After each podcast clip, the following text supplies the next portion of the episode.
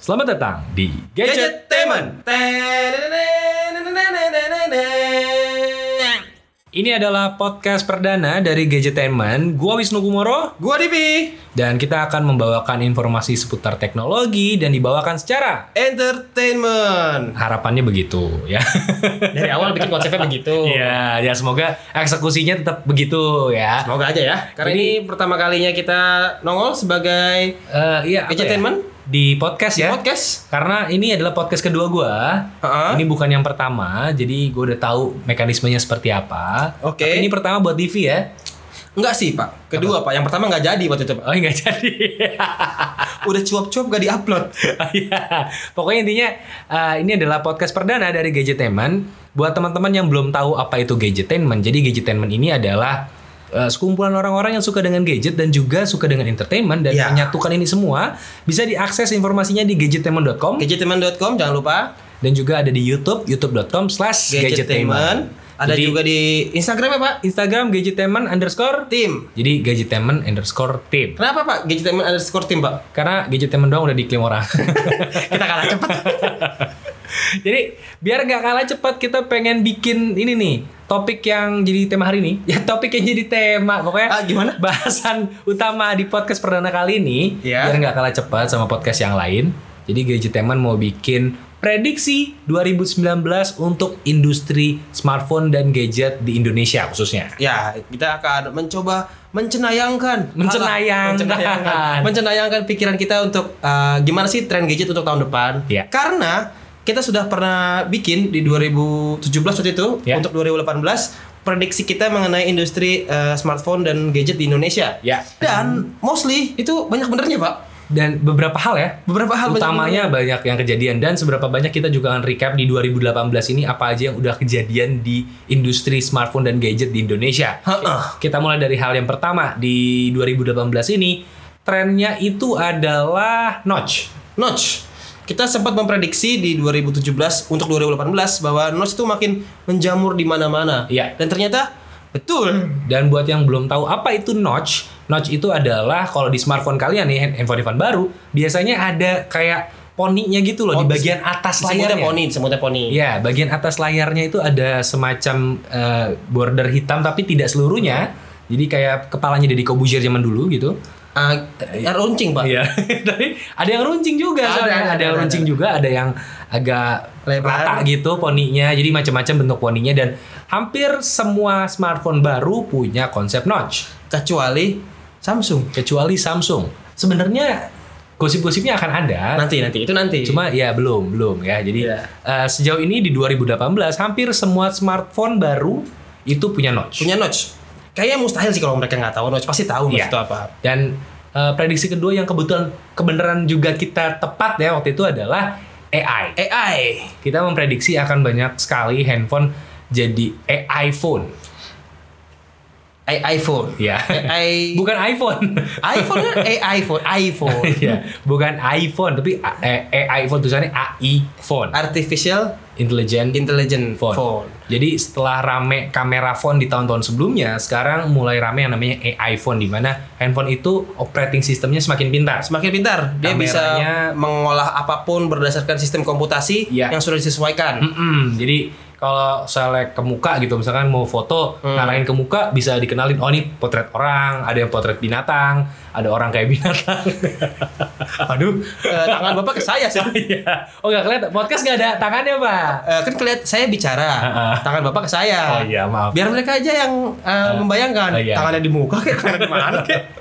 Jadi eh, bisa pintar mengetahui objek yang akan difoto. Dan juga dipakai untuk eh, biasanya kalau kayak smartphone smartphone yang udah canggih nih kayak Samsung punya Bixby. oh iya. Jadi bisa di, di apa namanya disinkronkan dengan operating system pintarnya dari masing-masing smartphone Hmm.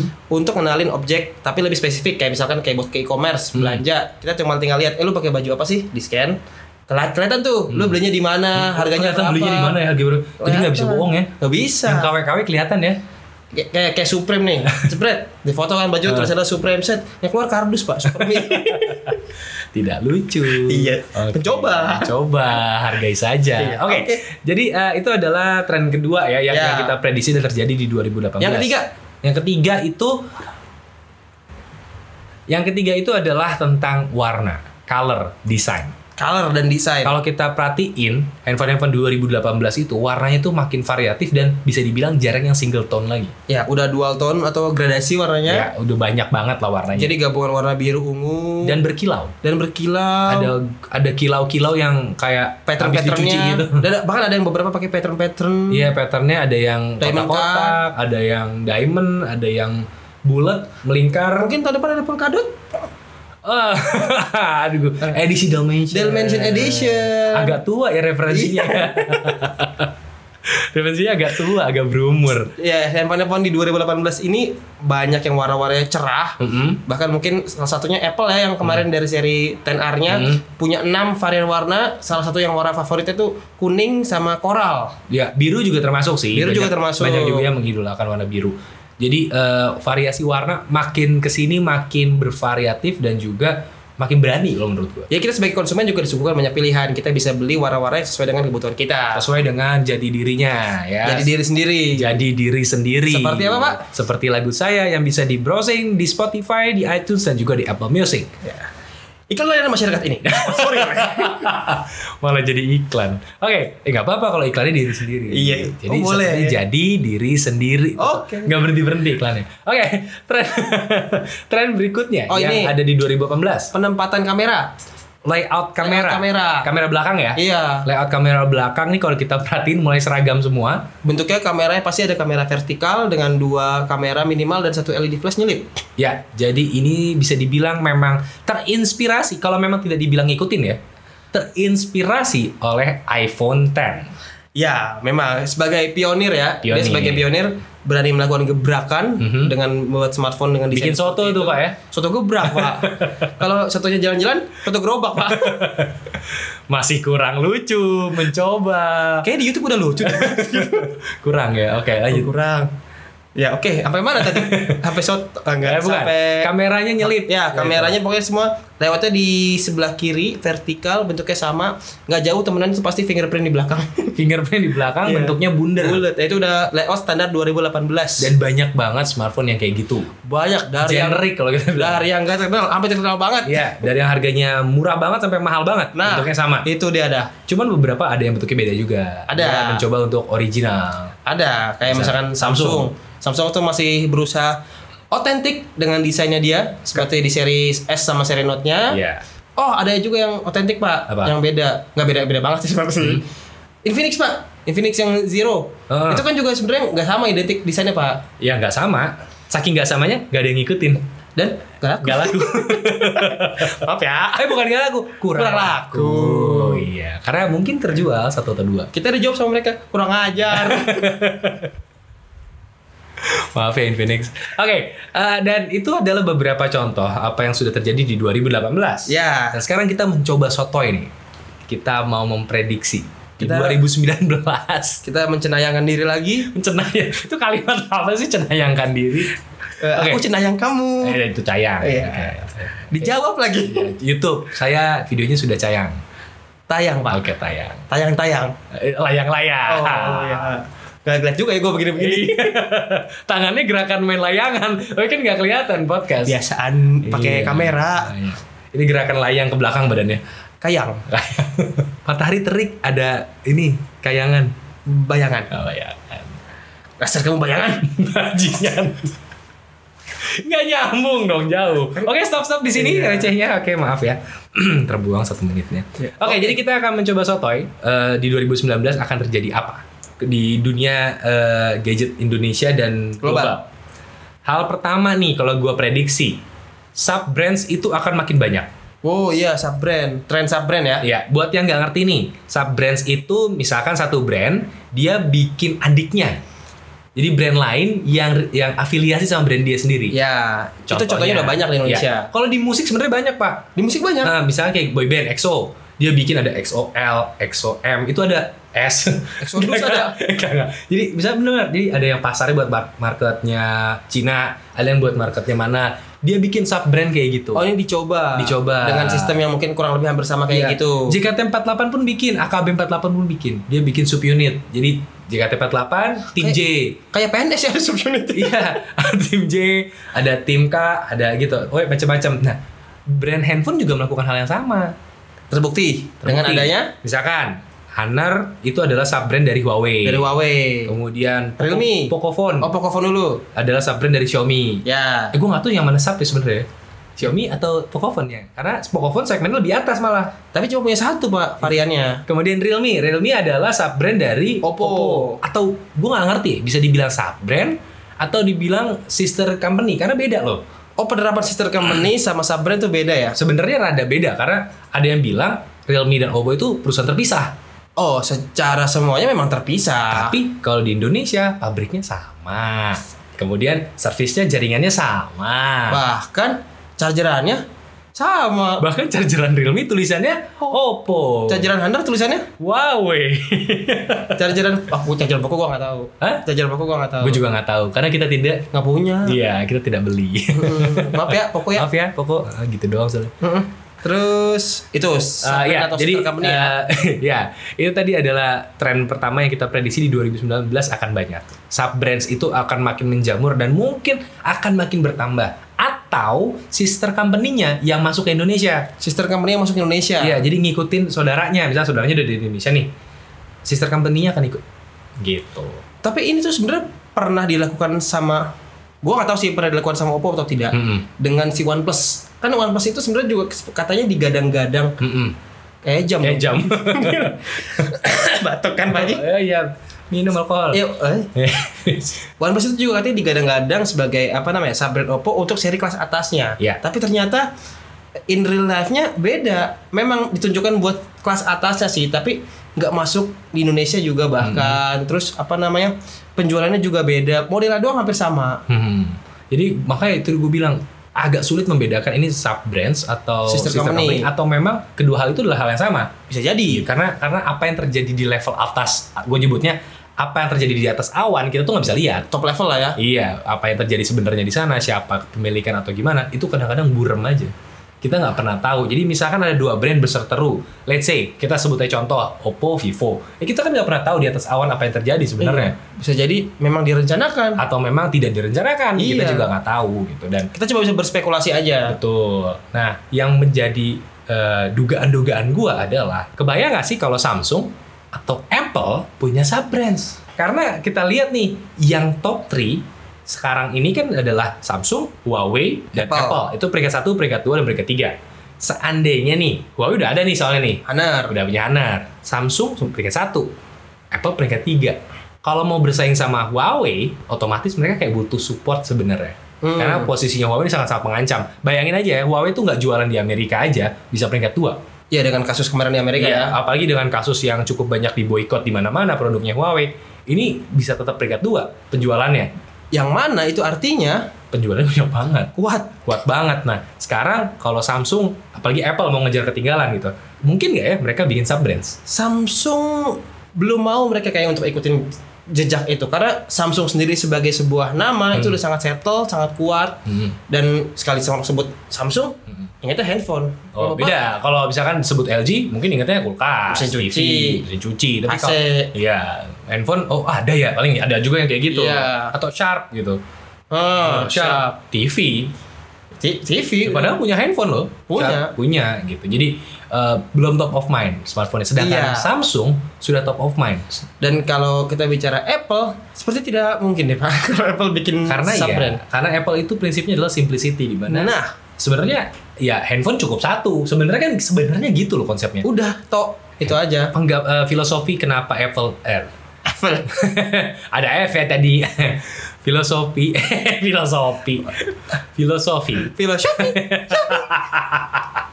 aduh ke- kenapa belibet-libet gue?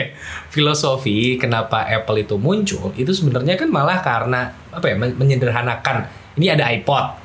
Ini ada handphone ini ada eh, komputer untuk browsing dulu kepisah gitu Satu-satu. Iya digabung jadi satu muncul iPhone itu di keynote-nya uh, Steve, Jobs tuh kayak gitu gitu.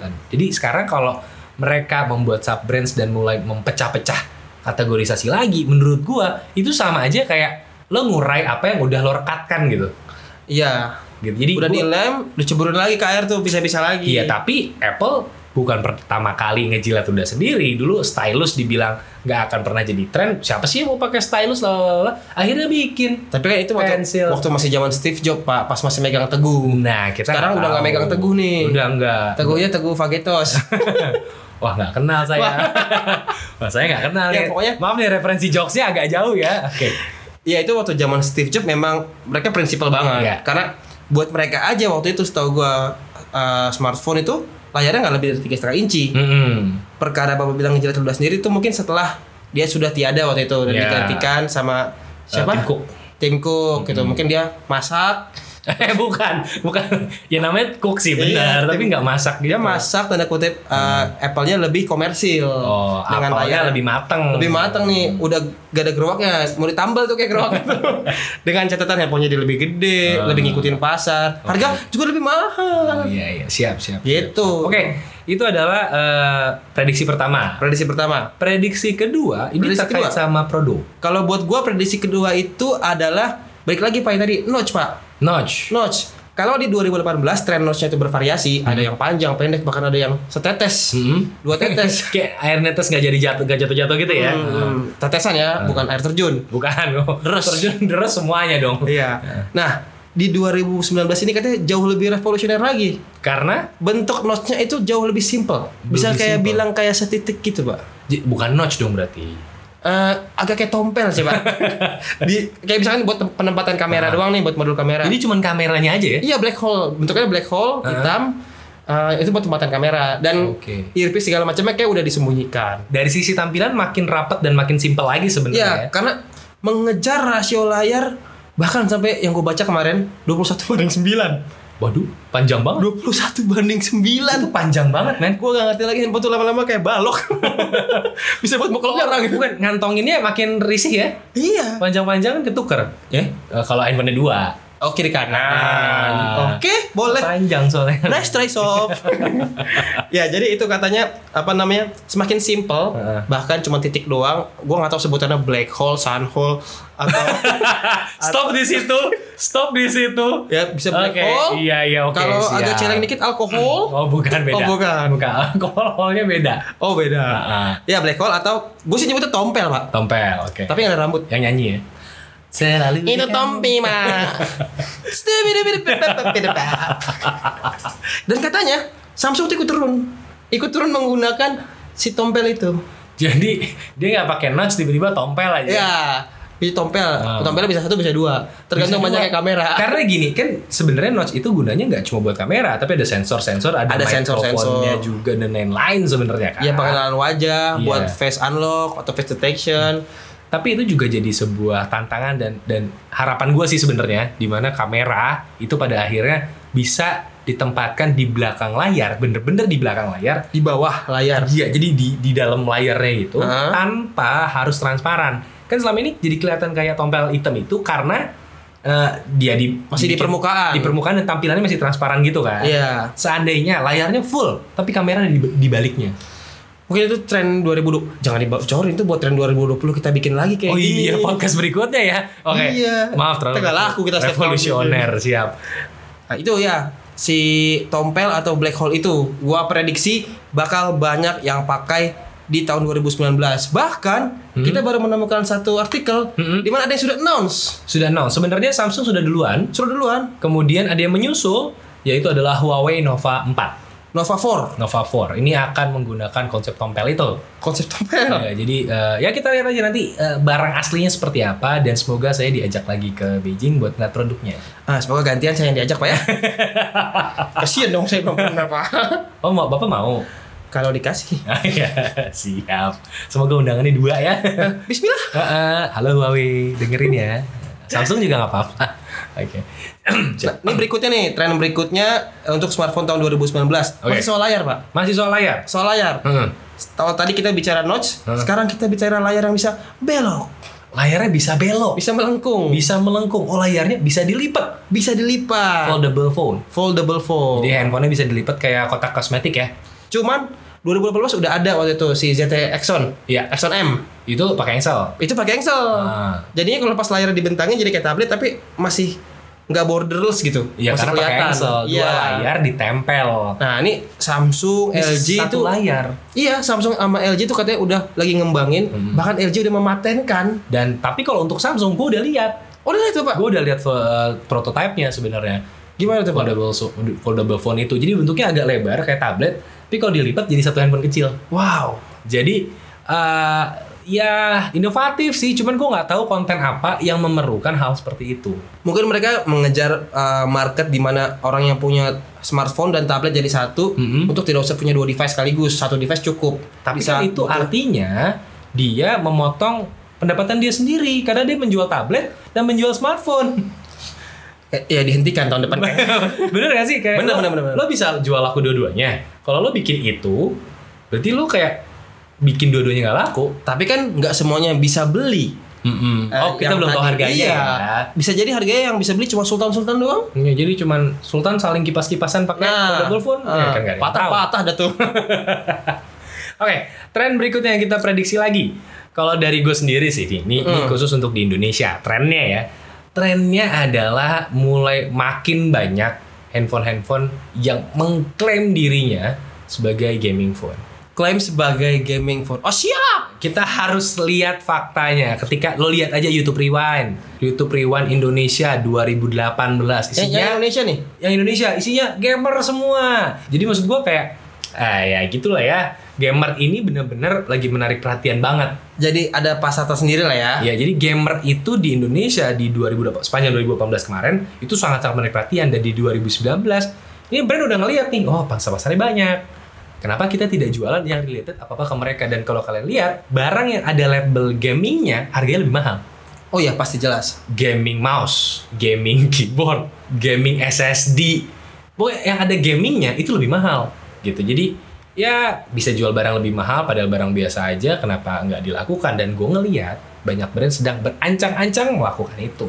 Dan ini juga kelihatan sih Pak dari waktu si tahun kemarin nih 2018 ini itu banyak banget event offline e-sport itu bikin kompetisi dan disponsorin dari smartphone. Iya, dan ya kita lihat aja apakah benar kejadian. Paling nggak di kuarter 1 dan 2 2019 kayaknya bakal banyak eh, hal-hal kayak gitu. Dan nih ngomongin tentang event nih, Mm-mm. di 2019 juga nih, gue akan memprediksi akan makin banyak event yang mengundang tech influencer di kota-kota kalian di seluruh Indonesia. Oh jadi event offline ya? Event offline berkaitan sama smartphone atau mungkin ya teknologi lah secara umum dan itu eh, akan membawa tech influencer yang selama ini mungkin kalian tonton dari YouTube gitu. Contoh be- sebenarnya udah dimulai dari bulan-bulan ini.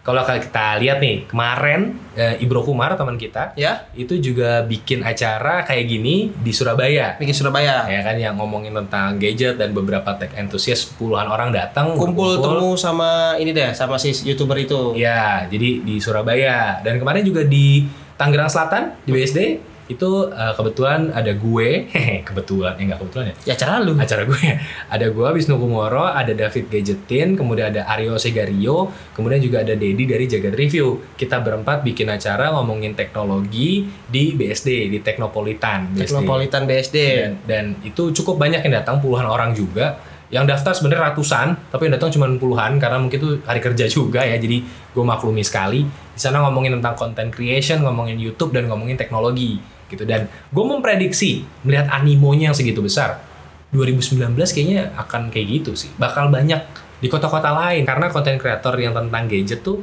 di luar kota selain Pulau Jawa tuh banyak banget Banyak. Dan sekaligus kita mau membuktikan sih sebenarnya Pak. Mm-mm. Kalau dari gue pribadi ya. Mm. Apakah mulut netizen itu sepanas eh, jarinya kalau lagi ngetik? Kalau misalnya ketemu langsung, berani tidak dia komentar langsung? Ya karena banyak banget netizen ya, terutama di gadget community itu eh, mulutnya tuh ya tulisannya sih tulisannya pedas. Begitu ketemu langsung Minta foto. dan dan kenapa banyak eh, tech influencer melakukan event-event seperti itu? Pertama adalah pengen merubah ini sih, pengen merubah paradigma. Ketika youtuber pikir. creator bikin acara seperti itu, itu bukan melulu adalah meet and greet yang Atau- cuma ketemu minta foto tanda tangan selesai. atau Bukan. atau bukan karena kita mau ngartis atau enggak? Bukan. Justru Mm-mm. karena kita mau ngedukasi. pengen mengedukasi bentuk edukasinya itu loh yang kita utamain makanya rata-rata bentuknya adalah kayak talk show seminar bukan cuma sekedar meet and greet terus tanda Meet and tangan greet? Ya, gue pegangan dong. Meet and greet, sorry. Meet and greet, terus ya foto-foto, makan bareng. Habis itu udah bagi-bagi hadiah pulang. Ya Iya. nggak cuma gitu doang gitu. Jadi lebih dari itu karena ya prinsip gua sih hashtag jangan gitu-gitu doang. Jangan gitu-gitu doang. Iya. Mantap, mantap, mantap. Ya ini akan menurut gua akan menjadi tren di 2019 di gadget community di Indonesia. Dan kalau dari gua sendiri sih untuk globalnya, gue berharap banget ke depannya gadget Indonesia itu lebih bisa menonjol. Lebih bisa menonjol. Karena kalau kalian lihat di Instagram atau di mana, gue udah mulai berkolaborasi sama gadget eh, gadget reviewer dari luar juga kan, kayak Michael Joss, Gadget Match, kemudian Ya. juga kemarin ketemu dengan Android Central dan juga Android Authority, kemudian Reza waktu kemarin acara Qualcomm sama ya, Jagat Review juga sama Molly itu ketemu bahkan sama eh, Super Saf kemarin. Super Staff juga sama apa Michael Fisher. Michael Fisher juga dan yang lain-lain juga. Artinya adalah sebenarnya Indonesia ini sudah mulai dilirik di Ya, pelan-pelan benar. Dari sudah mulai dilirik pelan-pelan tinggal pembuktiannya mana kontennya yang bisa go internasional mana ya, dan ini adalah uh, prediksi gue di mana 2019 mungkin konten-konten yang muncul dari gadget reviewer di Indonesia itu akan menggunakan bahasa Inggris dan sebenarnya gue udah mulai lebih bahasa lebih bahasa global yang bisa dimengerti banyak orang ya. Iya, jadi kenapa mulai pakai bahasa Inggris? Tujuannya bukan buat gaya-gayaan, tapi lebih ke nunjukin aja ke orang-orang luar sana kalau Indonesia tuh punya komunitas kayak gini dan besar Dan mampu. dan mampu gitu. Jadi eh, karena mereka bingung banget ketika oh Indonesia siapa ya? Gitu. ya mereka wajar sih kalau mereka nggak tahu karena mereka juga menurut mereka bahasanya belum bahasa global. Iya. Kita masih main internal di dalam Indonesia aja. Karena kita ngaca aja dari Michael Joss, ya, saya bukan ngaca beneran, tapi gue uh, Nggak mirip juga, Pak. mirip juga. Kita lihat aja si si Joss ini dia dari Filipina, tapi ketika bikin konten dia tidak menggunakan bahasa uh, Negaranya. negaranya, tapi menggunakan bahasa Inggris. Memang bahasa Inggris itu sangat-sangat familiar sih, memang di Filipina. Tapi itu juga jadi tantangan untuk orang Indonesia. Gitu gimana kita bisa menggunakan bahasa global untuk menunjukkan ke mereka, tapi tetap dengan cita rasa Indonesia. Mungkin aksennya tetap Indonesia nggak masalah, Tetap dengan kearifan lokal. tetap kearifan lokal. Coba kalian bayangkan. David Gadgetin sekarang 1,3 subscriber ya. Kalau dia berbahasa Inggris, Oh, bisa 13 ribu.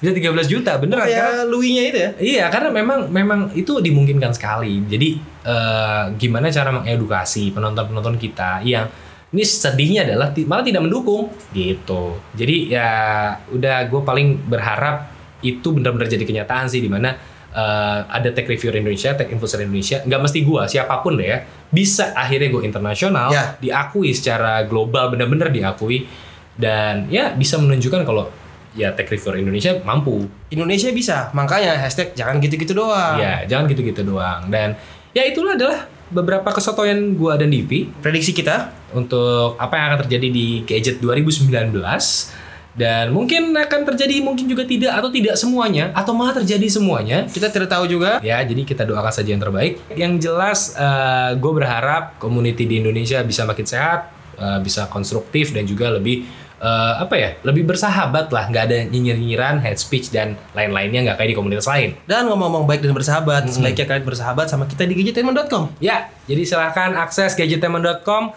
subscribe juga ke channel YouTube-nya di youtube.com slash dan juga follow Instagram-nya di Gadgetenman underscore team. Ya, dan juga bisa follow Instagram gua Wisnu Kumoro Instagram gua @divianza. dan sekian Gadgeteman episode perdana kali ini. Kalau kalian punya masukan apa yang masih kita bahas di Gadgetenman podcast ini, Silahkan ke Instagram aja. ya silakan di Instagram atau ke platform-platform yang kita sebutkan tadi. Ya. Tulis feedback kalian kita ingin mereview atau membahas apa. Oke, jadi ya sekian podcast kali ini Wisnu Kumoro pamit. Devi cabut. Sampai ketemu di podcast berikutnya.